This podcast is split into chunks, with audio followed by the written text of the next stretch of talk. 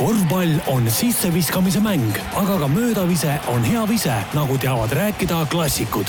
õigel hetkel aitab aja maha võtta ja asjad selgeks rääkida Optibett, sest algamas on korvpall kahekümne nelja taskuhäälingu saade Möödavise tere ja kaunist kolmapäeva, ütleb Manta Maja stuudiost kõigile pallipatsutajatele korvpalliteemaline taskuhäälingu saade Möödav ise. saatejuhtidena on stuudios istet võtnud Karin Aldo kõrval Siim Semiskar ehk härra korvpall kakskümmend neli, tere Siim! tere, tere!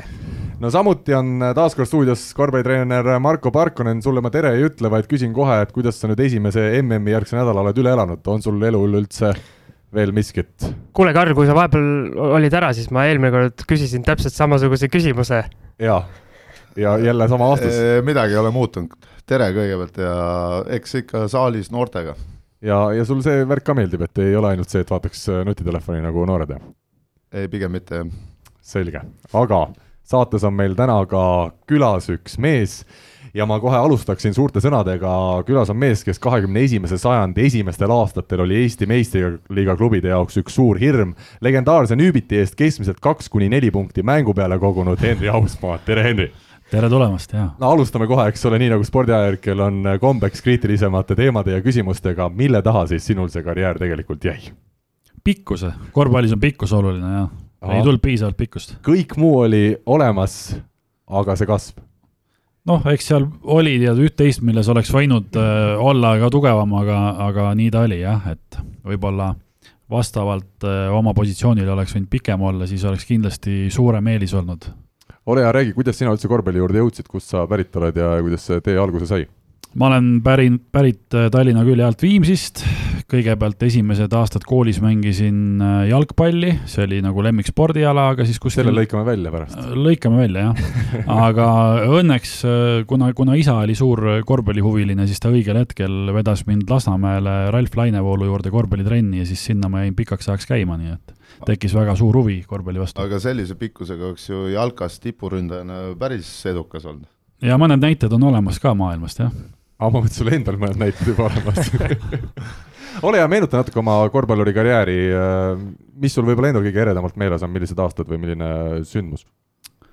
ma arvan, et äh, tegelikult olid kõik need aastad põnevad, äh, nii noorteklassis, kus sai mängitud kõikidel aastatel praktiliselt ikkagi Eesti tipus, meil oli väga hea meeskond, meeskonnakaaslane oli Janar Talts ja, ja mängisime medalite peale stabiilselt ja, ja loomulikult oli, oli põnev, kui ühel hetkel kutsuti siis nagu meestevõistkonna juurde ja ja lõppes see siis kõik sellega, et kaks tuhat viis aastal sai ehitustööriista meeskonnas ka Eesti meistriks tuldud. ja karjäär oli ilus lõppenud, punkt. jah, siis mõne aasta mängisin veel esiliigat, aga pärast seda nii-öelda mängija karjäär lõppes ma ütlen vahele nii palju, et kuna Henri on enam-vähem minu, minu eakaaslane, et siis mina mäletan seda Lasnamäe satsi päris hästi noorteklassist. aga kui nüüd äh, tõtt rääkida, siis ma mäletan Taltsi, Henrit ma sealt ei mäleta mina jälle saan nii palju öelda, et mina olin sel ajal, kui Henri mängis Nüübitis, olin noh, niisugune kümneaastane poiss ja ma kogusin, meil oli niisugune suur äh, mapp oli mul, kus mul oli Eesti korvpalliklubide kõik meeskonnad ja seal siis ükshaaval oli mängijad ja kõigi nende kohta olin ma välja lõiganud ajalehtedest neid pildikesi. ma mäletan, et Henrist mul ei olnud mingeid pilte väga välja lõigata, aga Henri nimi koos selle noh, mingi pikkuse ja mingi statistikaga oli mul ikkagi arvutist nagu välja prinditud ja see oli mul olemas, et et minu kaustas, ma usun, et see kaust on mul, kaustik on mul siiamaani kodus, et, et kui on tarvis kellelgi Henri Ausmaast sellised legendaarset infot omast ajast, siis see on mul olemas nojah, eks põhjus oli selles, et ma niisuguse kirjaniku kehaehitusega olin, nii vähemalt peatreener Tiit Sokk ütles ja, ja seetõttu ma nagu meestemängus väga palju põllule ei saanud, et võib-olla siis seetõttu ei olnud ka pilte väga palju.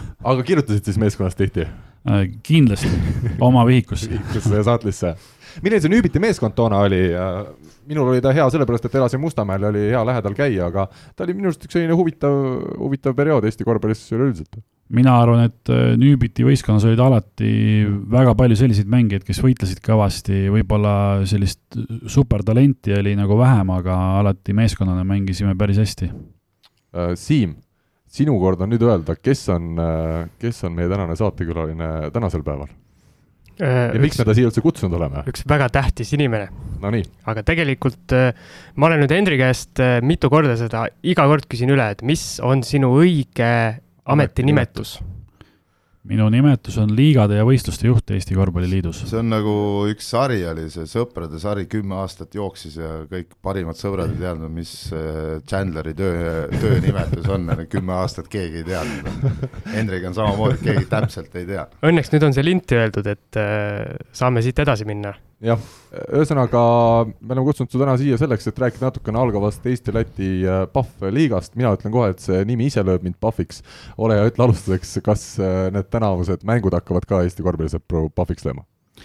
ma loodan küll, et äh, sellel aastal võiks nagu põnevust tulla, et erinevaid uudiseid on tulnud ja ma, ma ise väga loodan, et sellel aastal tulevad mängud nii palju põnevad ja juhtub ka see, et see nii-öelda kuldne esikolmik, kes juba eelmisel hooajal nagu tituleeriti medalitele, et äh, nad ikkagi hakkavad ka teiste käest mõne korra õpetust saama. alustame sellest, mis on liigas uut?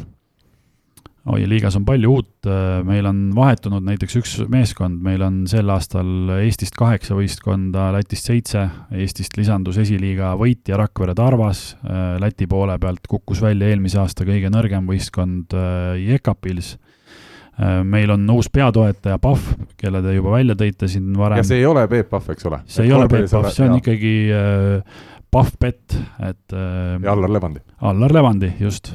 kahevõistleja. nii on. huvitav, et ta kahevõistlus Eesti mingit kohalikku sarja nii ei toeta, aga, aga samas korvpallis on õige, õige valik, meile tundub vähemalt siit kõrvalt vaadates no mina igal juhul kiidan heaks, et nad on leidnud äh, tee Eesti ühe armastatuima spordiala juurde. mida veel uut on äh, liiga kohta öelda, oskad sa kohe midagi suurt erilist veel välja tuua? no me oleme terve suve oleme siin tegelenud, et äh, leida uus partner, kuna meil lõppes leping nii interneti produktsiooni osas ja nüüd tegelikult nädala jagu päevi tagasi või natuke rohkem jõudsime kokkuleppele siis Leviraga, kes hakkab tootma tehisintellekt-kaameraga kõiki mänge äh, nii PAF Eesti-Läti korvpalliliigast, naiste Balti liigast ja hiljem ka madalamatest Eesti liigadest. Markol on küsimus. aga kas see tähendab seda, et äh, saab mänge va-, saab mänge vaadata, aga kommentaatoreid ei ole või? või kommenteerib ka robot või? Ei, meil on äh, tegelikult äh, kokku lepitud niimoodi, et kolmel päeval nädalas on äh, stuudiod ja stuudiopäevadel on mängud ka kommentaatoriga, nii et see tähendab, et kommentaarid jäävad mängule. aga et ma saan aru, et nagu siis Delfis või kas televisioonis ka mänge näidatakse või on ainult kuskil, pead ikka nutitelefonis istuma? no meil on kehtiv leping Tallinna Televisiooniga ja selle alusel tulevad telemängud Tallinna Televisioonis ja, ja siis internetimängud on nähtavad Delfis. nii nagu siis siiani, ütleme, selles osas mingit suurt muudatust ei ole? no nii palju ikkagi on, et äh, kuna mänge jaguneb ka teistele päevadele kui kolmapäev, laupäev ja pühapäev, kuhu on planeeritud stuudiopäevad, siis äh, kõik mängud päris sellel aastal eetrisse ei jõua. aga mida, mida see tehisintellekt, intellektkaamerad äh, nagu juurde annab, et kas see annab nagu kvaliteedi tõusu või mida sina nagu näed? Eelkõige teeb soodsamaks, ma arvan, seda ülekande tootmist äkki või? Äh, üks aspekt on kindlasti jah, et ta on soodsam, aga teine, teine väga tähtis punkt on see, et tänu sellele nii-öelda algavale koostööle me saame kaetud tegelikult ka väga suure hulga saale. praegu on esialgse kokkuleppe järgi kolmkümmend saali üle Eesti, see tähendab, et meil on võimalik lisaks kõrgliigadele tuua pilti ka madalamad liigad ja noorteliigad kõik, mis nendes saalides toimub, on põhimõtteliselt äh, võimalik nagu eetrisse lasta. et, et see ikkagi korvpalli niisugust populaarsust võiks nagu tõsta. et kokkuvõttes järeldus on see, et äh, üleüldiselt on Eesti korvpallis uuel hooajal mänge rohkem pildis võimalik vaadata, aga nüüd meistriliigas jääb siis mõnevõrra vähemaks? meistriliiga puhul jah, mõnevõrra vähemaks jääb, äh, et me päris kõiki mänge ei näita, kuigi vahe, vahe on see, et eelmine aasta oli meil seitse võistkonda Eestist, siis me näitasime üheksakümmend kaheksa mängu see aasta on kaheksa võistkonda, mänge on sada kaksteist, äh, nii et äh, kui sealt nagu mõned ära, see väga palju see miinusesse ei jää võrreldes eelmise hooajaga. ja sada kaksteist on kõik kokku koos selle netiga, neti lihtsalt, kus sa vaatad mängu, et seal ei ole kommentaatorid, on ju? sada kaksteist mängu on Eesti-Läti korvpalliliiga põhiturniiri mängud Eestis. arusaadav. aga no põhimõtteliselt, no ma natukene olen kuskilt lugenud ka selle kohta, et ma saan aru, et seda on võimalik äh,, kuskil käis läbi, et äh, Telias tuleb mingi oma kanal, aga kui mul ei ole Teliat, siis ma ei näegi mänge. Äh, Telia puhul me räägime tegelikult ikkagi madalama liiga ja noorteliiga mängudest. Pahv Eesti-Läti korvpalliliiga mängud saavad olema veebis Delfi tv-s. aga kui ma tahan näiteks vaadata madalama liiga mängu, siis ma pean Teliasse minema Telia tv peaks olema nii-öelda tasuline kanal, mida on võimalik äh, siis lisatasu eest endale soetada okay.. Marko, ma ütlen sulle vahele, et kui sa tahad madalama liiga mängu vaadata, siis mine saali ei no ta on ju saalis, ta on teises saalis, kui ta neid mänge vaatab. saali vaatan ühte mängu ja samal ajal ma tahan vaadata ka kõrvalsaali mängu, nii et ma ei saa olla igal pool. aga teine asi on see, et kaamerad pannakse ülesse. kas äh, kas ma võin hakata siis piiluma nagu teiste võistkondade trenne, kaamerad on üleval? Ei, seda võimalust äh, ei teki, et sa teise võistkonna trenni saad äh, näha, küll on võimalus, et äh, treenerid saavad või klubid saavad siis oma meeskonna treeninguid filmida, analüüsida ja siis spetsiaalse äpiga siis lõigata vastavaid klippe ja, ja kõike seda, nii et aga on... minu vastased tulevad minu saali trenni tegema ja ma ütlen, et ma olen nagu nende treener ja võtan selle klipi endale ja analüüsin läbi, noh no meil ei ole väga palju praktikat, et äh, vastased sinu saalis trenni teevad. ma just löön kõik plaanid, äh, plaanid siia latti. ilmselgelt Mark on valmistunud selleks saateks. ma saan aru, et sa saadad erikutse alati vastastele, et ei, nad saabuvad no, varem oletame, et Audenteses on äh, saalis on see kaamera üleval, seal käivad päris paljud trenni tegemas ja siis ma niimoodi olen hästi kaval, kasutan oma tutvusi ja siis vaatan kõik trennid ära ja tore noh või siis keegi vaatab minu trenne, mis mulle eriti ei meeldi, kas ma lähen teibin need kaamera silmad iga trenni alguses kinni või mismoodi? see on küll küsimus, et interneti turvalisuse oh, nagu mõistes võiks täna jah, seda kliiplinti kasutada vist. no tegelikkuses on niimoodi, et äh, Levira sõlmib siis kõigi saali haldajatega lepingu ja vastavalt siis äh, lepingule, seal on ka omad äh, andmekaitsepiirangud peal, nii et, et päris nii see tegelikult ei ole, et sa teise võistkonna või teise klubi või üldse teise spordiala treeninguid võiksid filmida ja neid siis nagu vaadata. aga mul on vahele niisugune küsimus, et mul siin nii-öelda piirkondade korvpallifännidelt äh, oli vahepeal selline mure nagu, et äh, et vähe näiteks vähe Valga mänge jõuab eetrisse, kuna sinna on nagu pikk tee minna, et piltlikult peab ju ülekandeks ennem pidi sõitma suure bussiga kohale, kaameramehed, režissöörid, kõik. et kas nüüd see on lihtsam, et teha ka näiteks nii-öelda kohtadelt teha neid ülekandeid?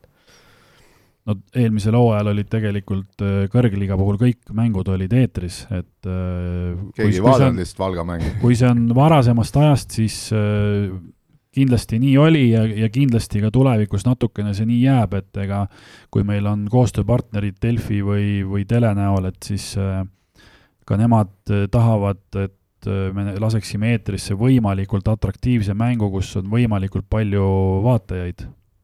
no mind on see kogu aeg närinud, eriti see eelmine hooaeg, kus olid kõik mängud, iga päev oli Delfis mingi neli mängu, mis iganes, et äh, minugi pärast võiks olla isegi neid natukene vähem. et äh, okei okay,, kui ülekandes kantakse üle, siis sa saad ise valida, kas sa vaatad või ei vaata, noh.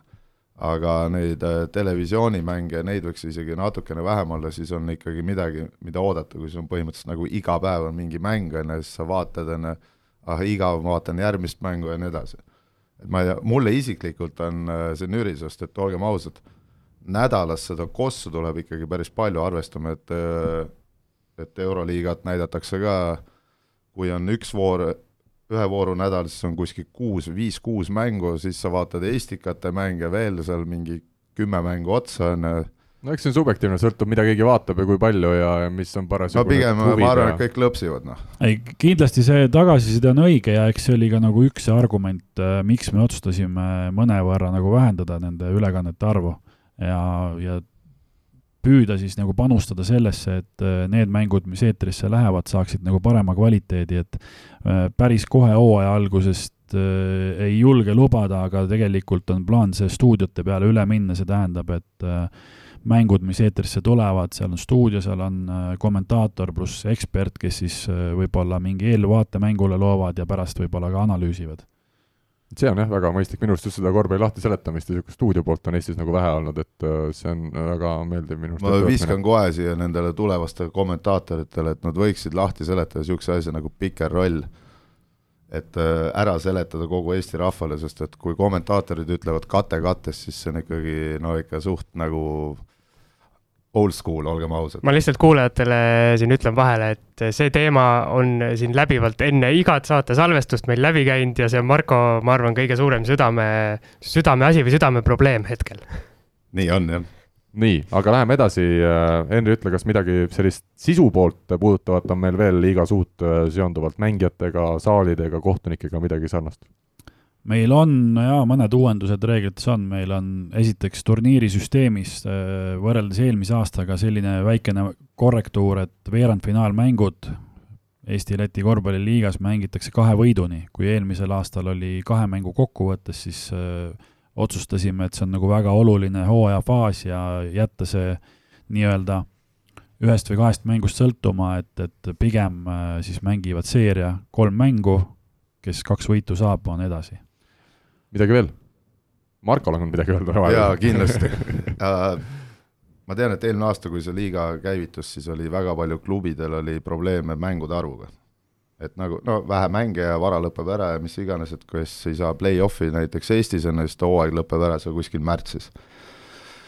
siis ma vist vähemalt kolm või neli korda pakkusin välja niisugust ideed, mis võiks nagu arutlusele tulla, et äh, nii nagu on Euroopa tippliigades on veebruarikuus on karikanädal või nädalavahetus. et miks näiteks ei võiks olla Eesti-Läti liigas, ma ei tea, kas üldse on keegi mu sõnumit edasi viinud, äh, näiteks oletame, kümnenda jaanuari seisuga kaheksa võistkonda ja mängivad nagu karikaturniiri, mis on nagu play-off süsteemis, esimene kaheksas ja nii edasi ja siis kolm päeva, ma arvan, et see oleks, publikule oleks see võib-olla päris niisugune nagu okei okay variant, atraktiivne, jah. me oleme arutanud seda karikasüsteemi nii Eesti klubidega kui Läti kolleegid on Läti klubidega arutanud äh, algavaks hooajaks lihtsalt karikavõistlusi plaani ei saanud panna, seal olid nagu erinevad põhjendused, me kindlasti ei välista, et see tulevikus võiks tulla, et äh, see võimalus nagu jääb. aga noh, kui tulla selle juurde tagasi, siis äh, eelmine hooaeg jah, mõned klubid tegelikult, ega see ei olnud nii, et kõik või ütlesid, et, et mänge on vähe. Cramo kindlasti ei öelnud. Cramo ei öelnud äh, jah, pigem oli nagu paaris klubis küsimus, aga seal oli ka natukene see, et äh, mängude, eriti kodumängude jaotus oli ebaühtlane. ja kui te teate, siis on need FIBA aknad, kus mängivad meestekoondised, et äh, see tekitas veel nagu lisaks mingid nädala- või kümnepäevased seisakud liigas, siis osadel klubidel tekkisid võib-olla sealt kahenädalased mängupausid keset hooaega mis võib-olla tõesti nagu klubi seisukohalt ei olnud kõige parem lahendus. aga me oleme püüdnud see aasta seda ajakava vähe paremini nagu hajutada ja sellel aastal ei ole ka novembri akent, nii et tuleb ainult üks koondise aken, mis on veebruaris mina olen ikkagi selle karika nädalavahetuse poolt, nii et see oleks päris põnev, sest et siis no midagi vaheldust, jah. väiksemad klubid võib-olla, kes ei näe suure, enda eesmärki kaheksa hulgas, nad võivad olla näiteks ja detsembri lõpuks kaheksa hulgas, nad pääsevad karikavõistlustele need, kes on, äh, panevad oma põhirõhu kevade peale, on ju, siis ja nii edasi, no head näited on need Hispaania liigad ja isegi Leedus vist on sama süsteem, et neil on ka veebruaris on see karikanädalavahetus on kogu Euroopale on põhimõtteliselt pandud üks nädalavahetus, noh. et siis sinna tavaliselt ei topita koondise mänge ja nii edasi, noh. aga Henri, ütle seda, kui Eesti ja Läti korvpalliliit koos seda liigat korraldavad, siis kindlasti on seal mõlemal osapoolel mingeid asju, mida tahetakse läbi suruda, mida nähakse, et on õige. palju teil nüüd neid vaidlusi on olnud mingite konkreetsete detailide üle, et kuidas seda liigat peaks tegema, oskad sa midagi huvitavat ka välja tuua? No me esiteks leppisime alguses kokku, kui me seda ühist liigast, liigat tegema hakkasime, et kui on küsimus, et mingi, mingi detaili osas, mis on nagu küsimus professionaalsuses, siis valime igal juhul nagu kahest selle variandi, mis nagu aitab viia nii liigat kui klubisi professionaalsemale tasemele. Äh, eks meil on olnud siin nende pooleteist aasta jooksul mingeid eriarvamusi, aga lõppkokkuvõttes me oleme ikkagi leidnud kompromissi äh, kõikides küsimustes äh, ma tean, et vähemalt naiste Balti liigas, niinimetatud Balti liigas mängitakse kahes riigis erineva palliga ongi nii, jah? Äh, Molten ja Spalding, Eestis on Spalding ja Lätis on Molten. see on Pahv Eesti-Läti korvpalliliigas täpselt samamoodi ja see tuleneb sellest, et äh, lätlaste partneriks on Molten ja meil on Spalding, et Spalding on meie varustuse partner ja annab koondistele riided selga ja annab meile ka siis pallid äh, klubidele. Nii et see on selline väikene eripära, jah. kui erinevad need pallid on?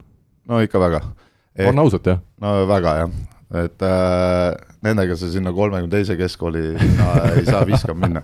aga näiteks need võistkonnad, kes mängivad veel Euroopas, neil pruugib, no ma ei tea, kui palju seda on, aga näiteks võib-olla WTB-s kunagi ma tean, et vahepeal oli Wilsonid ja siis olid veel mingid erinevad pallid, on Euroliigas mängitakse Nike'iga umbes ja noh, et kui sa mängid äh, kahte sarja et sa paned Eestis Spaldinguga, Lätis Molteniga ja siis ütleme, mingit Fiba sarja Nike'iga, on ju, siis see on päris hea, et sa pead iga trenn vahetama palle. Aga minu meelest võiks ju, võiks ju siis kõik trennid teha näiteks mingi kummist polümeeriga, et siis kui mängule lähed, siis igal juhul on hea pall nagu käes. sõrmeotsad on nii katki, et ei tunnegi, et ei saa arugi, et teine pall on. ma, ma päris kindel pole, ma arvan, et äh, Fiba sarjad, äh, kus ja, on ka kolm, kolm klubi on Molteniga, sest et äh, Fibal on minu teada Molteniga leping, aga Kalev Cramo mängib tõesti VTB liigat, kus on minu arust Wilson, vähemalt eelmine hooaeg oli.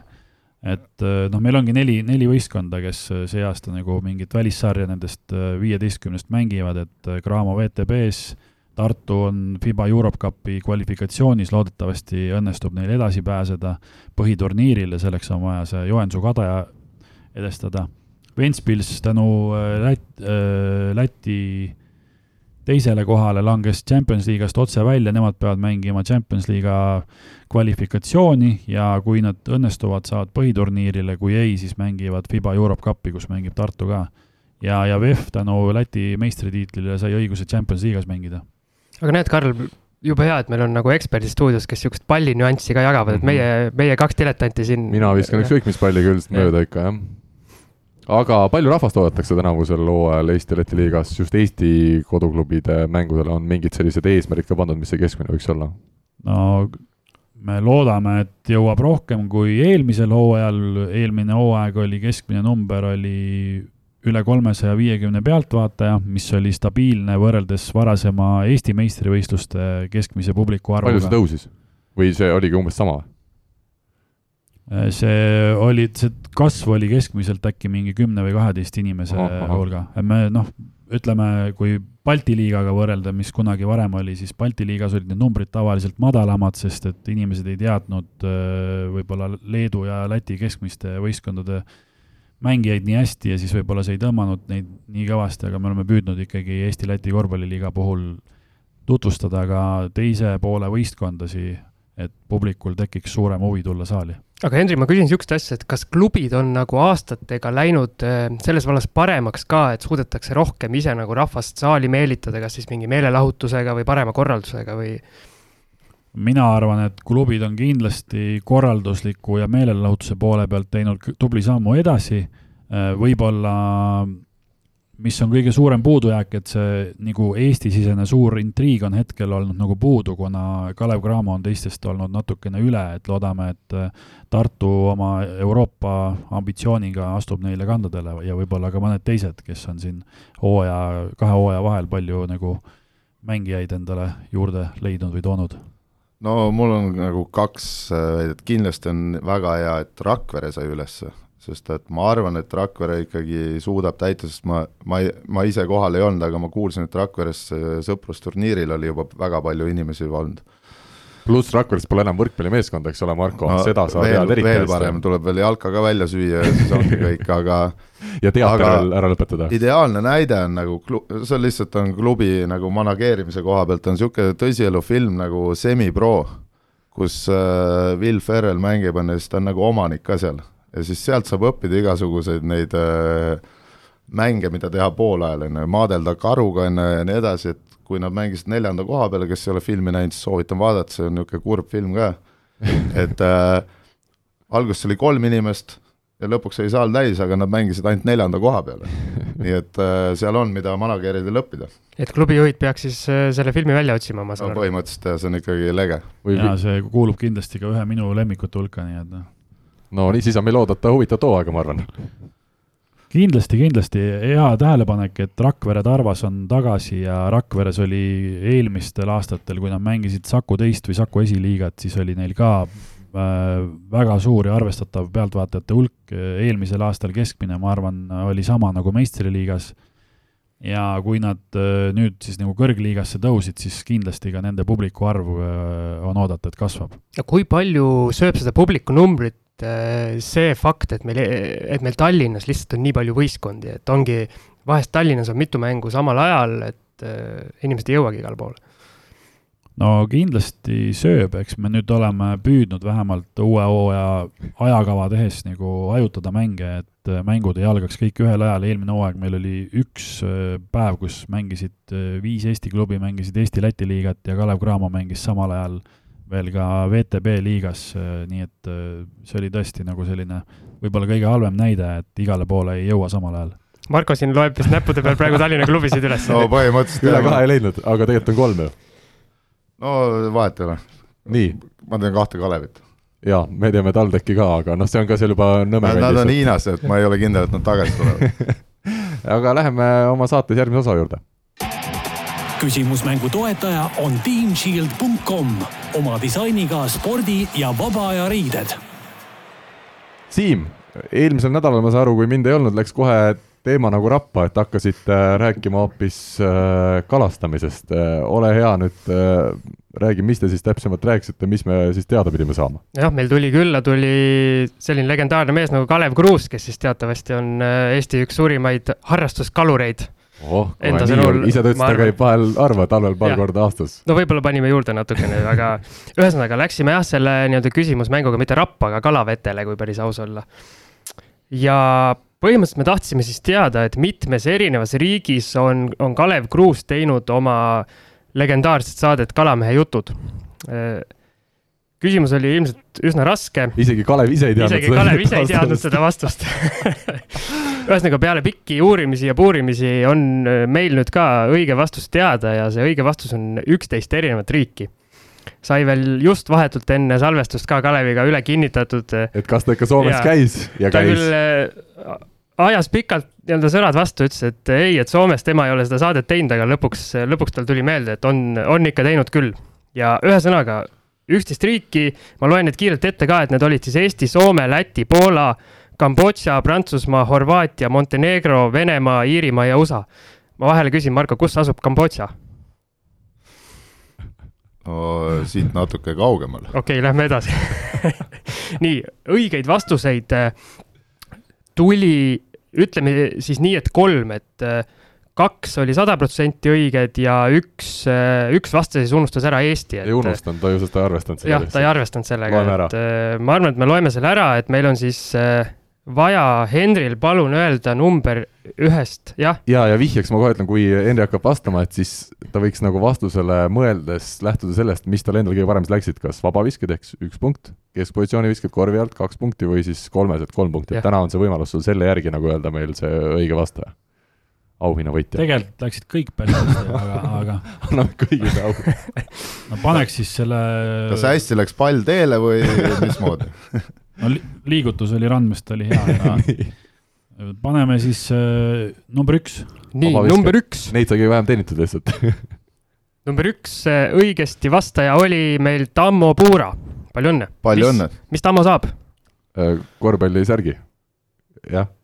see on Jaanus Nõmsalu äh, PVK Trading ja ja Team Shield on siis meie küsimusmängu toetaja, üks eriline särk on meil jah välja anda. ja kuna siis riigid, äh, riigid olid ka Tammul õigesti kirjas, siis Marko poolt ka, ma saan aru, lisaauhind. ja, ja siis, kui raamat välja ilmub, siis on ta teeninud ära Kobe Bryanti mõtteviis eestikeelse siis raamatu. aga uus küsimus on meid ees ootamas ja seoses Henri Ausmaaga loomulikult see küsimus on seotud. Henri, äh, sa ei ole mitte sugugi ainult korvpalluritega koos korvpalli mänginud, vaid osalenud ka ühel huvitavat, huvitaval teatrite turniiril. ole hea, räägi, äh, mis mänguga seal finaalis tegu oli, kelle vastu te mängisite? no nii jah, räägiks ära sellise huvitava loo, et oli teatrites Spartakiaad, vanus oli mul, ma ei mäleta täpselt, kas viisteist või kuusteist ja paar aastat tagasi? üks lähisugulane kutsus mind sinna ühe teatri võistkonda osalema ja võistlesime siis edukalt, alagrupi turniir sai läbitud ja poolfinaalis sai võidetud Draamateatrit kas seal oli, oota ma küsin, see on nii hea sõnamäng, kas seal oli draamat ka selles poolfinaalis või? no kindlasti oli, et kindlasti oli see stsenaarium oli selline, et alguses, alguses jäime taha ja siis kuidagi lõpupoole nagu suutsime võita. nii, ja siis tuli finaal ja te võitsite seal Vanemuise teatrit. just nimelt. ja mis seal siis, kes selle otsustava viske tegi, Henri? no see on iga korvpalluri unistus. finaalmäng, viimased sekundid, suure publiku ees, ma eeldan. no Kääriku hall, kui te kujutate ette, mitte see uus, vaid vana. ja see oli paksult rahvast täis, seina ääred. ja see oli paksult tolmu täis, ma arvan pigem. ja viima-, viimane sekund ja me olime ühe punktiga taga. ja siis oli otsa out oli meile. ja õnnestus siis niimoodi, et äh, audist sain, vabanesin, sain palli, viskasin, pall veel hüppas kaks korda rõnga peal ja kukkus sisse, nii et äh, finaali viimase sekundi viskevõit, et äh, see on äh, alati nagu ma arvan, iga korvpalluri unistus. enne veel, kui me selle küsimuse ära küsime, ütle, kas seal tuntud näitlejaid ka oli või sa olid ikkagi sada kümme protsenti keskendunud mängule ja ei pannud sellist kõrvalisi asju tähele? no Draamateatri eest meid mängis näiteks Malmsten Mait Malmsten, ja sealt tal see teatrivärk ka hakkas ülespoole minema vist. absoluutselt. pärast seda poolfinaali kaotust, ma arvan, ta sai aru, et ikka ainult teater on talle sobiv, jah. ei, aga tegelikult ta oli päris hea mängumees, nii et äh, kindlasti kiidan, et tal on ta- sporditaust minu teada ka, jah. jah, eks ta korvpalli on mänginud. aga ma veel küsin vahele, et kas see jäi sinu karjääri ainsaks eh, viimase sekundi võiduviskeks? tõenäoliselt on äh, kusagil mingites reamängudes neid veel olnud, aga see oli lihtsalt selline kõige aga meeldejäävam. finaalis küll, jah? finaalis küll ainus jah. sest hiljem enam finaali nagu asja ei olnud kuskil? ei, finaalides äh, mänginud olen küll Ah. ah., aga, aga viimase sekundi viset ei saanud äh, ise teha ei. saanud vabaks enam. jah, ja nüüd siis küsimus, väga lihtne, kui äh, finaali vastane oli Vanemuine, siis meie küsime, millist jah. jah, poolfinaalis oli Draamateater. siis meie küsimus on, millist Eesti teatrit esindas sel võidukal turniiril Henri Ausmaa? ja läheme ja ütleme siis nii palju, et info, et korvpall24.ee ja Korvpall24 Facebooki lehe sõnumitest saab kõiki õigeid ja ka valesid vastuseid jätkuvalt saata, nii et ootame kõiki huvilisi, nagu nägime. eelmine kord äh, Kalamehe küsimustele väga palju vastajaid ei olnud, nii et suur tõenäosus on juba õiget vastust kirja saades, et see, et see särk koju tuleb. aga meie läheme järgmise teema juurde.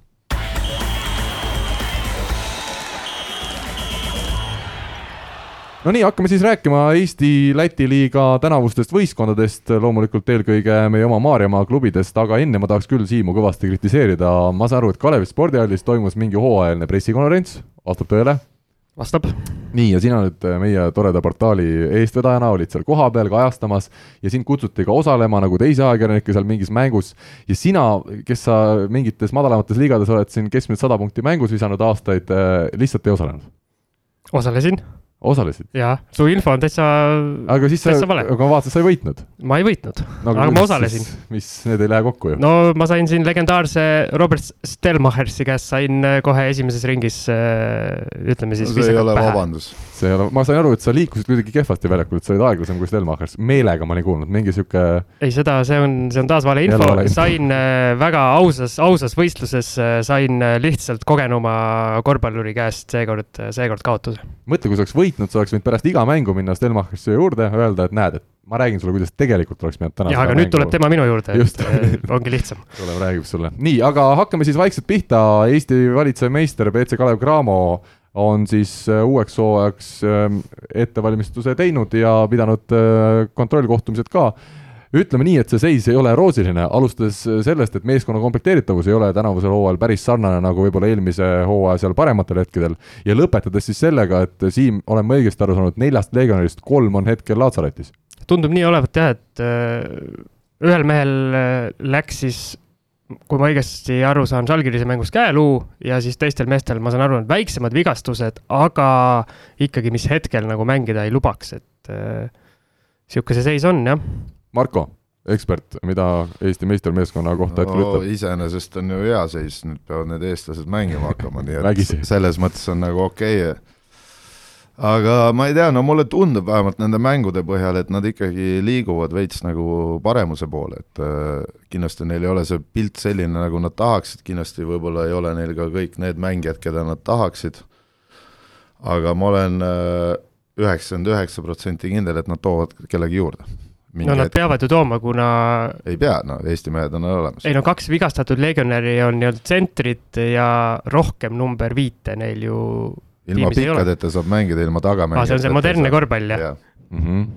selge, ma küsin nüüd nii, et sa ütlesid üheksakümmend üheksa protsenti tuuakse kedagi juurde, mina küsin, kas üheksakümmend üheksa protsenti tuleb ka Kalev kevadel Eesti meistriks? ma ei tegele ennustamistega ei no suure tõenäosusega kindlasti neil on parimad variandid, nii et äh, aga see vahe ei ole nii suur nagu eelmisel hooajal? no parem oleks, aga ma ikkagi panustan selle peale, et äh, kui nad saavad oma rattad veerema korralikult, siis nad ikkagi on teistest ikkagi kakskümmend sanga umbes üle, noh. aga kui me räägime siin Eesti-Läti liigast, siis äh, eelmine aasta oli, oli ka näha, et Henri siin varem juba mainis ka, et lätlastel on siis Ventspils ja VEF on need äh, nii-öelda kaks suurt, meil on see Cramo on see üks suur ja siis nemad moodustavad sellise kolmiku, kellele nagu jube keeruline vastu on saada, et eelmine aasta muidugi Kalev tõmbas oma selle viimase sekundi kitsingu kolmesega, tõmbas endale selle pronksi, ütleme nagu jänese sealt kaabust välja. kübarast, jah. kübarast, jah. et äh, kuidas, Marko, sa seda näed, et kas Cramo on sellel tasemel nagu VEF ja Ventspils või? no kuuldused on, et äh, VEF-il ei ole ka hästi, noh. et äh et neil ju ei tea hetkel, kuidas nemad on oma satse komplekteerinud, aga nad ei pidanud olema ka sellisel tasemel vist, kui nad olid eelmine aasta. nii et siis see tähendab ju teha kiire matemaatika, on ju, siis Cramol on ikkagi võimalus, noh. et aga kindlasti need mängud lähevad põnevamaks, pingelisemaks ja sellepärast no, ma isegi pakun välja, et ma jälgin ise ka see hooaeg rohkem neid mänge, noh. aga kas keegi nagu sekkub selle kolmiku tegemistesse, Henri, mis sina arvad? No mina arvan, et äh, tõenäosus on kindlasti sekkuda, sest et äh, nagu välja tuli, koosseisud võib-olla ei ole nendel kolmikumeeskondadel nii kõvad, kui olid eelmine aasta, teada on või läbi on kõlanud ka, et äh, nende eelarved on natukene väiksemad kui eelmisel aastal. ja kui nendel tuleb tihe euro või, või muu välissari peale, siis neid libastumisi võib tulla, sest et mänge on palju ja, ja igaks mänguks sada protsenti valmis olla on kindlasti nagu suur väljakutse. Ma põikan korra kõrvale, et kui VTB ühisliigas tänavusel hooajal VEF kaasa ei löö, siis ikkagi lätlased on juba avamängul kohal, et ma kuulsin, et Brainstorm avab seal tänavuse VTB ühisliiga hooaja Moskvas, et huvitav lätlaste poolt, et keskenduvad täiega ühele mängule ja panevad oma parima ansambli välja, et et aga VEF jääb kõrvale vot ei oska kommenteerida, see on sinna Will Ferrelli ja selle filmi kapsa semi, semipro. semipro, jah. ma siin korraks toon äh, veel jutu sellele VEF-ile, et üks asi, mis äh, vähemalt minu silmis, võib-olla ma olen juba liiga vana, aga minu silmis väga suureks trumbiks on see, et neil on selline legend nagu Janis Plumson tagasi, et äh, on see, on see nagu näitaja, mees peaks olema vist äkki kolmekümne kuue aastane või? vanem, vanem Marko siin näitas mulle, et ma eksin täiesti ja peaks olema vanem, aga ma pead pakkuda ei pane. okei okay.. meil on siin saates isegi internet, nii et samal ajal, kui te räägite, äh, Jaanis Plums on kolmekümne seitsme aastane. no vot no,, aastaga mööda jah, see on oluline, oluline, oluline vahe, aga ikkagi ma tuleks selle küsimuse juurde, et kui palju sellises vanuses mees äh, nii-öelda tõstab seda VEF-i? no sõltub, mis roll tal on. kui ta on väga heas vormis ja siis noh, Plumsi ju kõik teavad, et ta lihtsalt paneb kolme ja põhimõtteliselt ongi kogu tema ülesanne, et kui ta seal kuumaks läheb, ta võib panna neid viis-kuus tükki, on ju, samas võib ta panna seitsmest null ka. Äh, ma arvan, et pigem loodetakse niisugune kerge skoor kolm-neli kolmest tema pealt, aga pigem ta peaks abistama siis neid noorema põlvkonna lätlasi, kes sinna võetud on, sest et ma tean, et Baskooniast võeti rendile Kuruts, kes on kaks tuhat sündinud ja kindlasti on seal neid nooremaid, üheksakümmend kaheksa, üheksakümmend seitse sündinud lätlasi ka, nii et ma arvan, et ta seal abistab pigem neid ja õpetab nii palju, kui ta suudab, noh. aga nii palju, nii palju, kui ma olen vaadanud VEF-i ja Ventspilsi koosseisu, siis äh, nende see eelmise, nii-öelda jätk eelmisest hooajast on ülimalt väike, et mõned üksikud mängijad on samad, kes eelmine aasta, et kui palju nagu treeneril on just äh, see keeruline, et kogu võistkond äh, suvel vahetub? no kui vahetub treener ka, siis ei ole hullu, noh.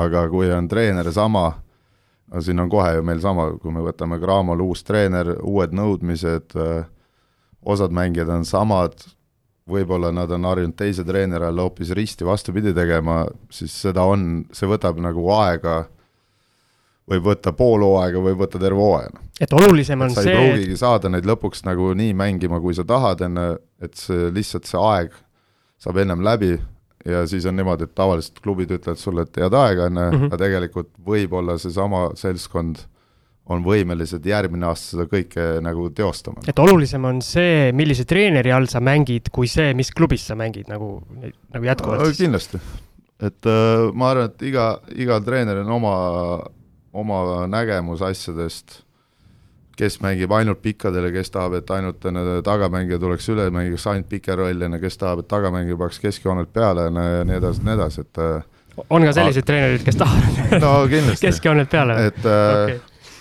et äh, no kui me näiteks vaatame kas või Euroliigas on siis seal on stiilid on nii erinevad, on kuidas nad mängitakse tippklubide poole pealt, on kes on rammib, on ainult liikumisi, on kes on noh, annab ühele mängijale nii vabad käed, et see nagu lihtsalt ainult laksab peale, on teised peavad lauda minema, noh, et äh, aga sa pead sellest süsteemist aru saama, et lõppkokkuvõttes on see, kui sa pole elu sees lauas käinud, on ju, siis sa õpid pool aastat, kuidas lauda minna üldse, et et see on igal pool, see on nii noortes kui vanades on see suht keeruline neid kohe panna tööle, nii et sellepärast ma pakungi, et Cramo lõpuks, kui treener on terve hooaja siin, siis nad ikkagi lõpuks mängivad vähe teisel tasemel seda kossu, noh.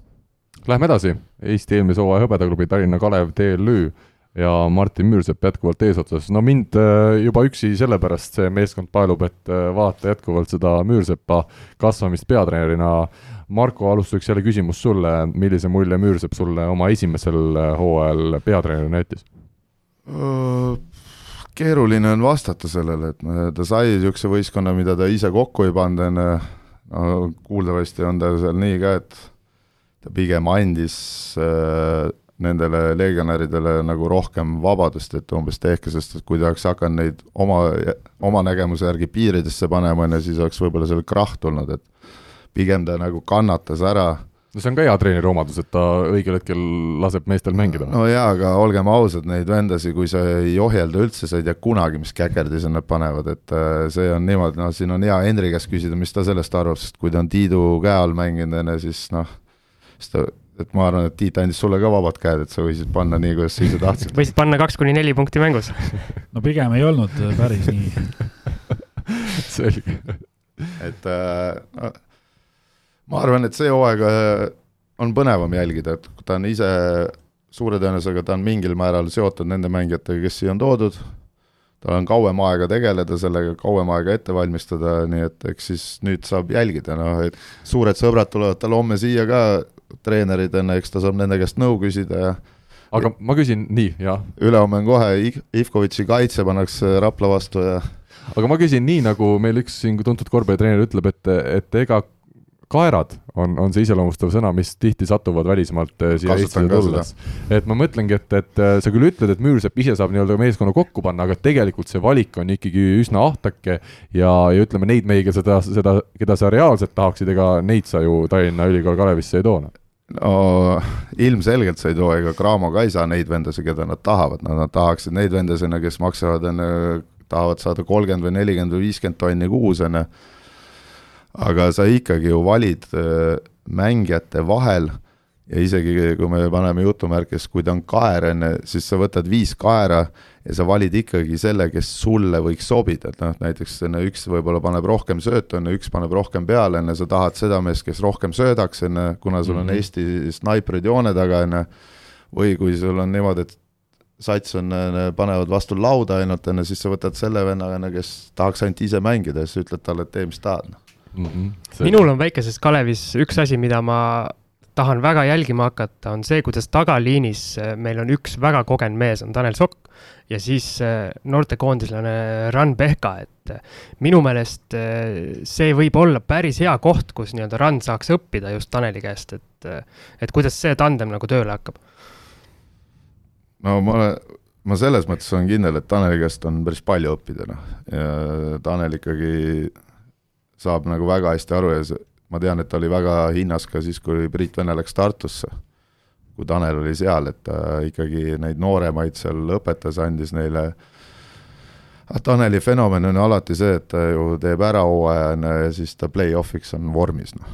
et alati on niimoodi, et äh, ja siis ta on kõrvetanud siin küll ta Graamo eest mängides, enne Tartu eest mängides ja nii edasi, nii edasi, et äh, lihtsalt väiksemas klubis on tema, ma arvan, et tema roll suurem ja talt oodatakse palju rohkem, noh, et äh, noormängija peale otseselt nagu kohe panustada ei saa, et see paneb enne iga mäng nagu stabiilselt, et äh, ma arvan, et Taneli roll võib kasvada vastavalt mängu tulemustele, et äh, kui ei lähe alguses hästi, siis kindlasti ta roll tõuseb, teiste mängijate, tagamängijate roll langeb, noh. see on minu arvamus, nii et noh, eks Henri ütleb ise, kuidas see asi peaks käima.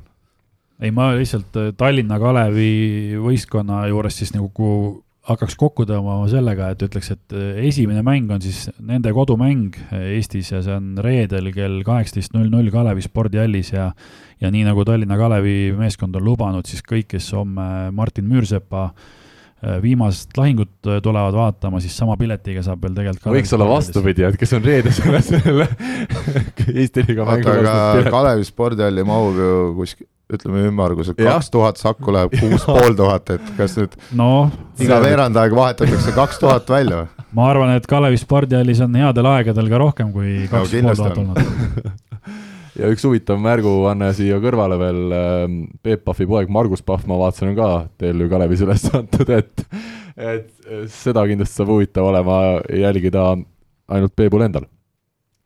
aga ma siis küsin Henri käest, et äh, võtame siis need ülejäänud Eesti satsid ka siin ette, Pärnu.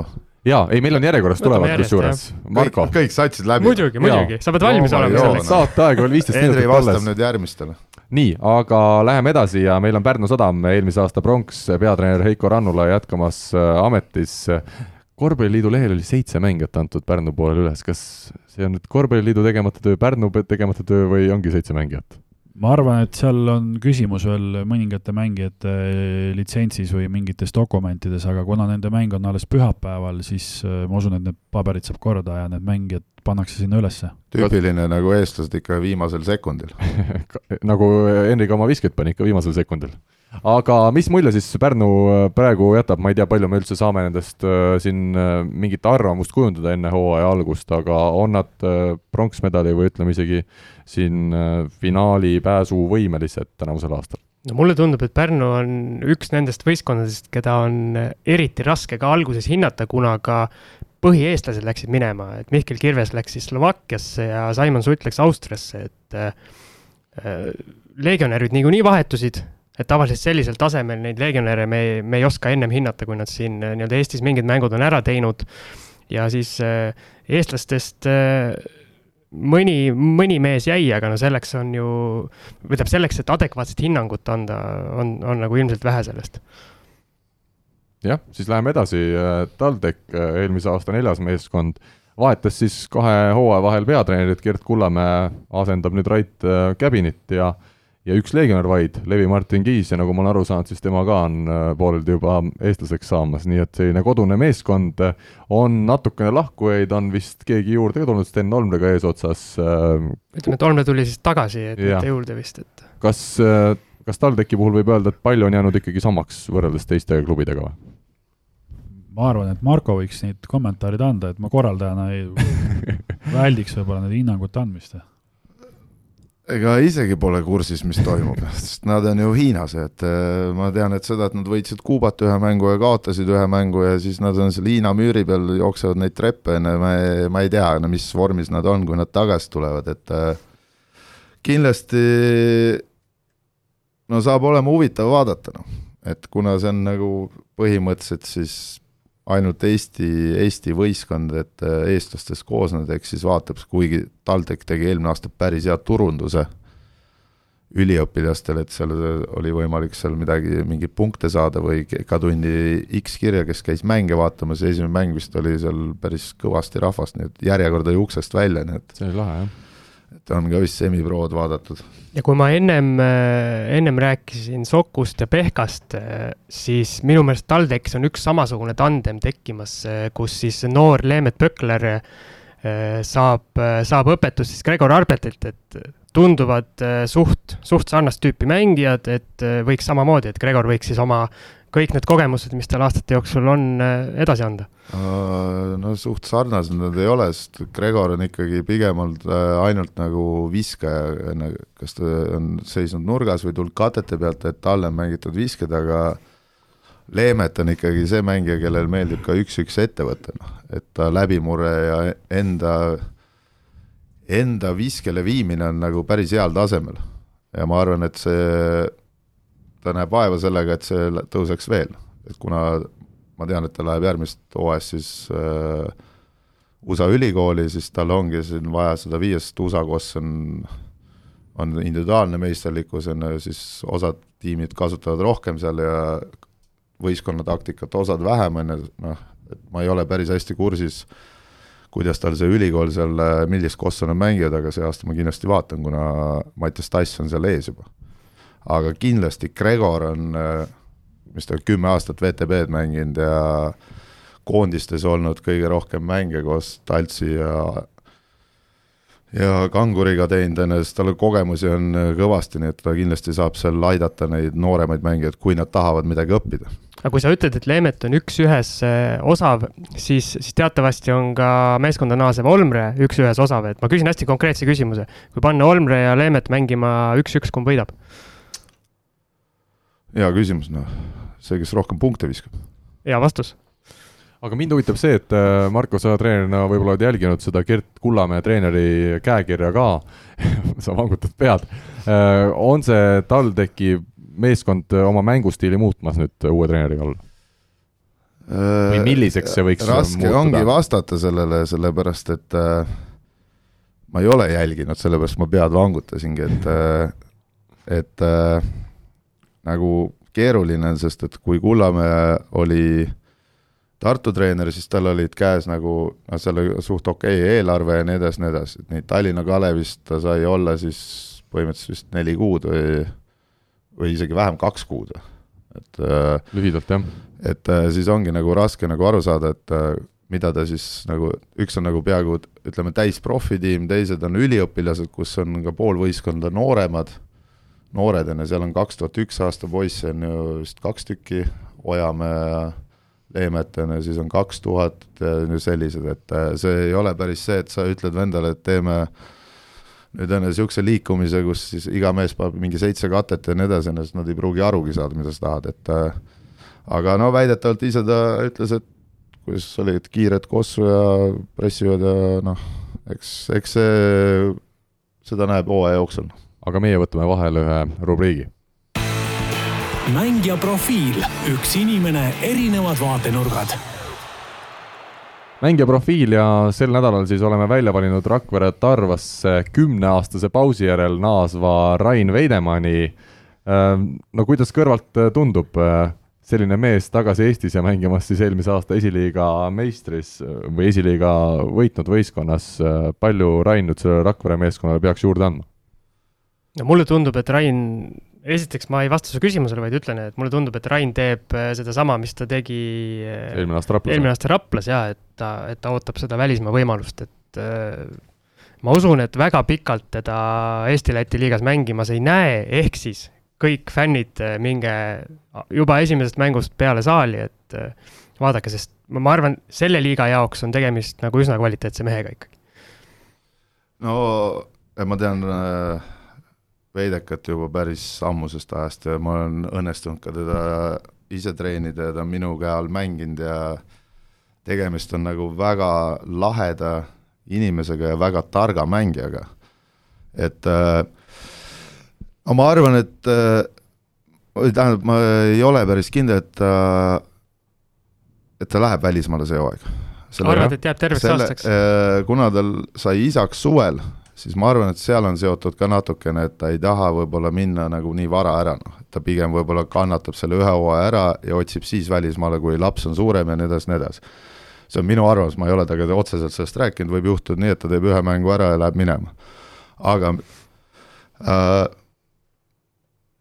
Veideka puhul on see, et nagu mingi hetk mulle tundus, et ta jäi toppama, noh et ta nagu ronis, ronis, ronis, ronis ja siis mingi hetk oli niimoodi, et nagu jäi kuhugi seisma, et äh, kas ta oli kuskil liiga kaua, oleks pidanud varem kiiremini võtma mingisuguse julgema otsuse kuhugi minema või mis iganes, aga mina teda väga austan kui inimesena ja mulle meeldib kui mängijana, sest et tema on üks nendest, kes, äh, ta ei näita oma kehakeelega midagi välja, noh. väga harva, kui ta, okei okay,, noh jah, me saame aru, kui surve on suur, on ju, siis laiutab võib-olla ka mõnikord käsi ja kellegi peale närvitada, aga enamus ta on ikkagi suht rahulik. et äh, ja ta on olnud niimoodi noorteklassidest saati niimoodi, et äh, tee, mis sa tahad, on ju, ta lihtsalt rahulikult vaatab, on ju, teeb midagi, teeb mingeid oma asju ja ongi kõik, et äh, Veideka puhul noh, ma loodan, et ta paneb okei okay hooaja, muidugi ma tahaks, et väljas mängiks kuskil heas liigas ja nii edasi, et mida rohkem neid heades liigades on ja mänguaega saavad, seda parem. aga Hendrik, kas sinu mängijakarjäär oli selleks ajaks juba läbi, kui Veidemanni tõus algas? mina vastan jah, see veel Rae eest tegi seal viimaseid esiliiga hooaegu, aga see oli ka selline juba publiku jaoks veel lõpetamisaastad, et mina jah, sel ajal enam ei mänginud, nii et mul ei ole õnnestunud kunagi Veidemaniga mängida. ütleme, Ausmaa andis selle mantli üle Veidemannile, võib öelda Eesti korvpallis. pigem päris nii ei nõustu nagu,. endale. Veidemannil olid vähe suuremad liigad ambitsioonid olid ka suuremad? no tõenäoliselt, äh, mängijana küll, jah. no Rakvere meeskonnas on palju tuttavaid nägusid, Lindmetsad, Saaget, äh, Kuretki tagasi, äh, kas nüüd see meeskond on tänavusel hooajal reaalselt medali pretendent Eesti liigas? selle, selle, selle meeskonna mänge ma ikka ootan huviga, et äh, on ka palju tuttavaid seal satsis ja mulle meeldib see tagaliin, et äh, seal on kõik ründajad ja kõik on väljast viskajad, et äh, et äh, kuidas nad seda palli hakkavad seal jagama, mulle, seal võib juhtuda, et nad hakkavad omavahel lõpuks neid palle üksteisest ära võtma, et äh, Saage tuleb üle, ju, isegi kiirrünnakus, on ju kas või kolm-üks, enne tabab kolme. sest et noh, sealt saab rohkem punkte. kergem tagasi joosta enne ja siis tavaliselt need, kes panevad täiskiirusel sinna lay-up'i peale enne, siis nad peavad lauda minema. aga Saage on jälle selline mees, kes võib panna kaheksateist tükki mööda enne ja siis need kaks viimast enne paneb ära, aga ta ei jäta nagu midagi pooleli. et äh, Veidekas tahab skoori teha ja ma saan aru, et neil on testimis mingi Oklahoma vend, kes tahab ka skoori teha, siis on Egert Aller, kes tahab ainult visata Kurg tahab ka lõpuks oma kaheksa kolmest panna, et äh, siis Uh, ma arvan, Jaanis Vahter tahab vaht, ka tagant visata. Vahter tahab ka väljas panna, sest on kiire, kiiremini saab kaitsesse ja nii edasi. et siis ongi niimoodi, et uh, aga noh, Vahter tavaliselt ei saa palli, noh, et ta saabki ainult lauast, nii et. et ta saab kohe kaitsesse minna nagu? ja, et jo, ta on see mees, kes jookseb kiiresti sinna korvi alla, aga Saage paneb kolme, noh, et et see saab olema väga pull sats, aga neid on jälle raske pidurdada, sellepärast et kui seal tagaliinis on niimoodi, kui need visked veel tabavad ka, no siis nad mängivad samat stiili, mis nad mängisid Andres Sõbraga, ehk üle ja peale. Põhimõtteliselt vist on samad liikumised ja nii edasi, nii edasi, et kuna Umbrasko on peatreener, on ega nad seal midagi eriti muutnud ei ole. et kas võib ennustada, et nad on niisugune sats, et kui neil hakkab vise minema, siis nad võivad kõigiga mängida, aga samas, kui neil vise ei lähe ja midagi seal laguneb, siis äh, nagu midagi ilusat sealt oodata ei ole äh,? jah, isegi kui neil ei lähe, nad, neil peaks olema piisavalt palju kogemust seal, et äh, millega nad natukene ikkagi saavad äh, ebastabiilsust ära hoida.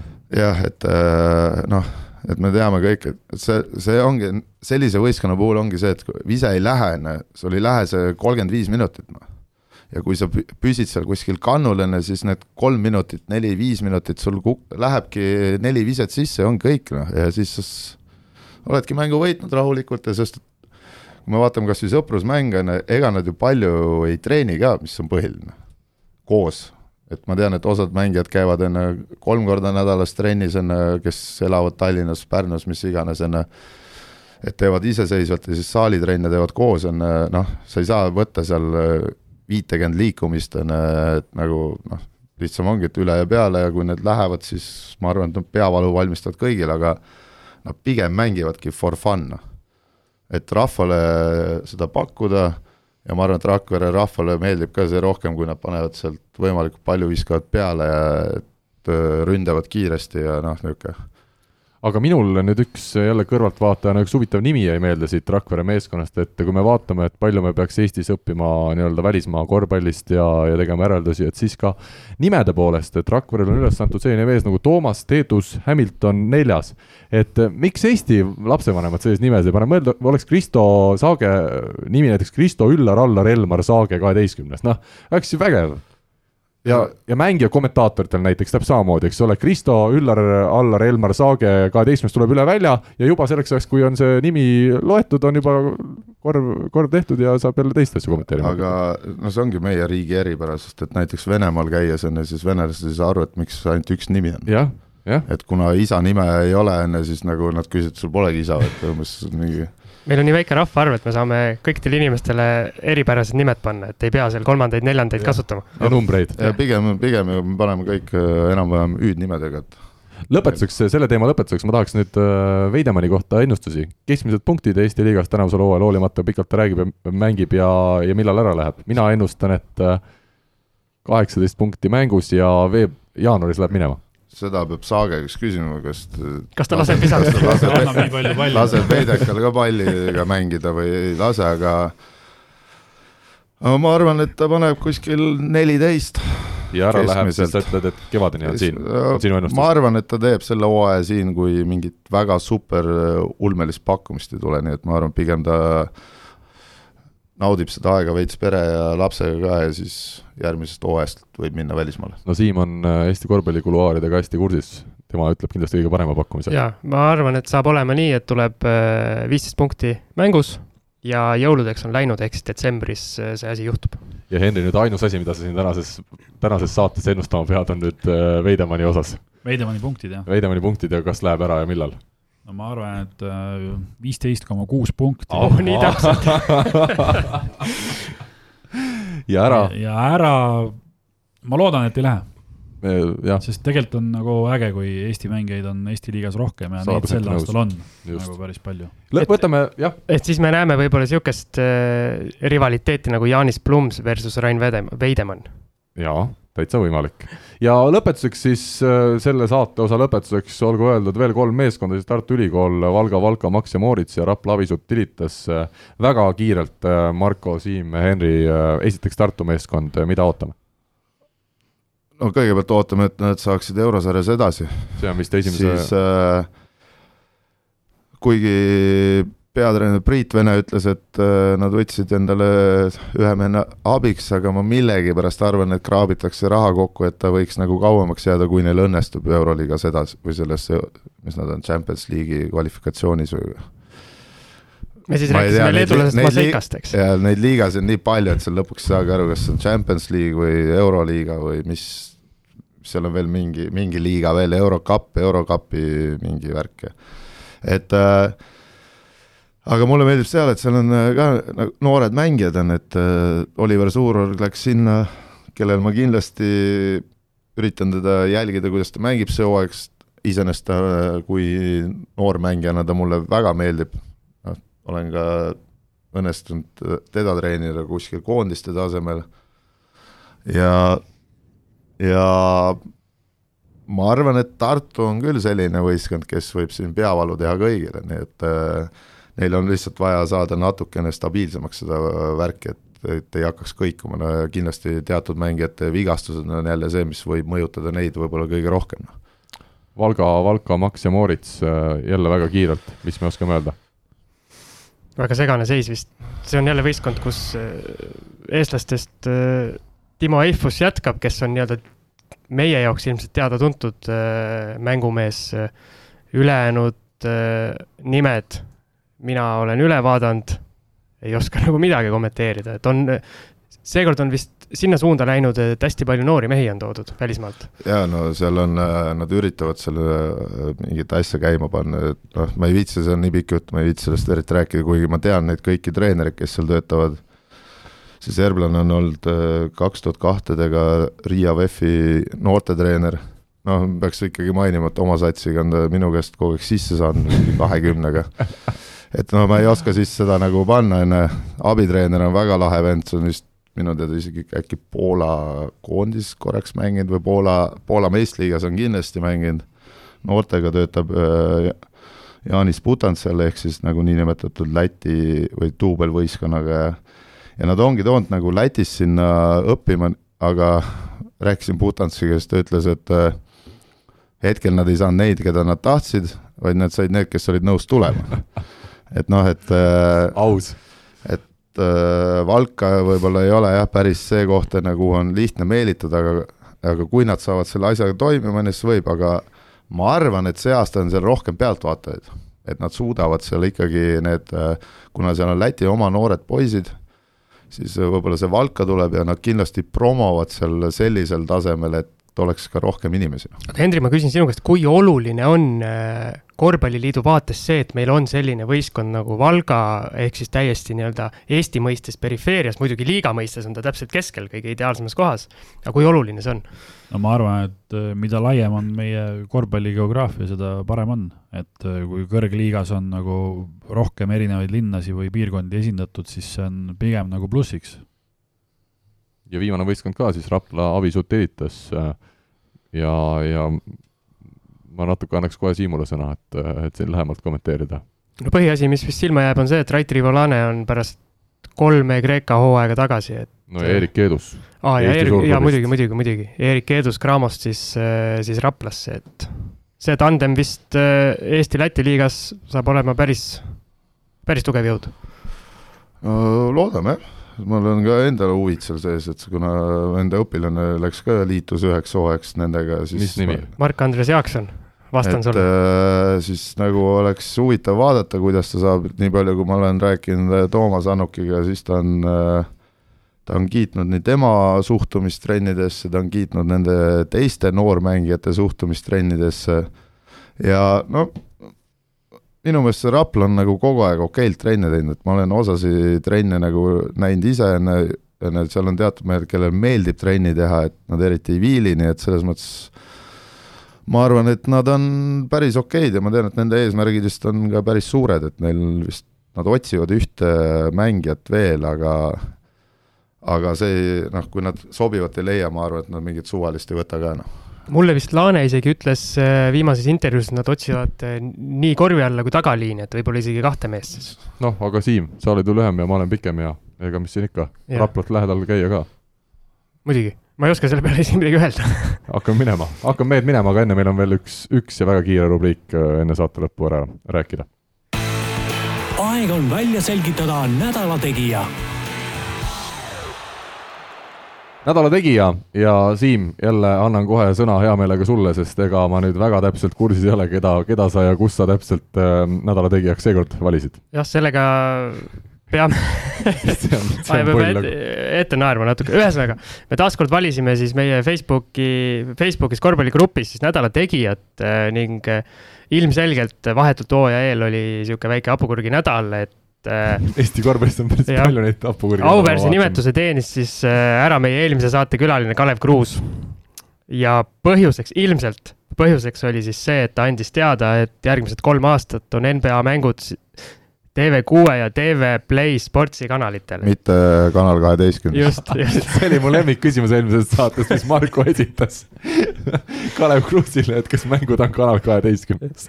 tervitame Marko Kaljuveeri siin. kas Kanal kaksteist on äh, seotud? jaa, nii päris hea ühesõnaga, Kalev Kruus sai kokku sada kakskümmend seitse häält äh, ja teisele kohale platseerus siis äh, he heade esitustega Poola meistriliigas Krakowi klubis äh, silma paistnud Kadri-Ain Lass, kes siis on meie naistekoondise liider, et et naiste korvpall jõudis ka peaaegu Kalev Kruusile kandadele, natukene ei puudu. Ja ülejäänud, ülejäänud kandidaadid said siis veidi vähem hääli. Väga hea, ma arvan, et selliste toredate sõnumitega on, ongi mõistlik võtta tänane saade kokku aitäh, Henri, aitäh, Marko, aitäh, Siim. lasen veel Henri, Henrile igaks juhuks veel öelda, et millal siis Pahv liiga avalöök on, et äkki sa siis kordad selle üle, et kus, mis, kes mängivad ja millal siis need lahingud peale hakkavad ja millal need robotid seal seina peal tööle hakkavad? no liiga, Pahv Eesti-Läti korvpalliliiga algab kahekümne seitsmendal septembril, see on reede kell kaheksateist null null Kalevi spordihallis, kui Tallinna Kalev TLÜ ja Avis Utilitas Rapla omavahel mõõtu hakkavad võtma. igal juhul, no mina ootan, et kõik korvpallisõbrad tuleksid saali, võtaksid sõbrad ja perekonnaliikmed kaasa. aga ma olen teatris see reede, mis ma teen nüüd siis? vaatan siis tagantjärgi sa. saad tagantjärgi vaadata, et tõesti need, kes on saalist kaugel, et nendel on võimalik siis ka Delfi või DTV vahendusel neid mänge vaadata. ja millal Marko peab minema teibirulliga neid, neid kaameraid teipima, kui ta trenni tahab anda? iga päev Äh, hommikul. Audesse kohe vist. no kaamerate paigaldus on juba Ei. igapäevaselt äh, töös, nii et ma arvan, et Marko trennid on nii kehvad, et seal tuleb igaks trenniks panna need teibid sinna kas kas see tähendab siis seda, et enam ei pea ise nagu mänge siis filmima? jah, super, aitab küll, mehed, oli meeldiv ja kohtumiseni. aitäh. kuulmiseni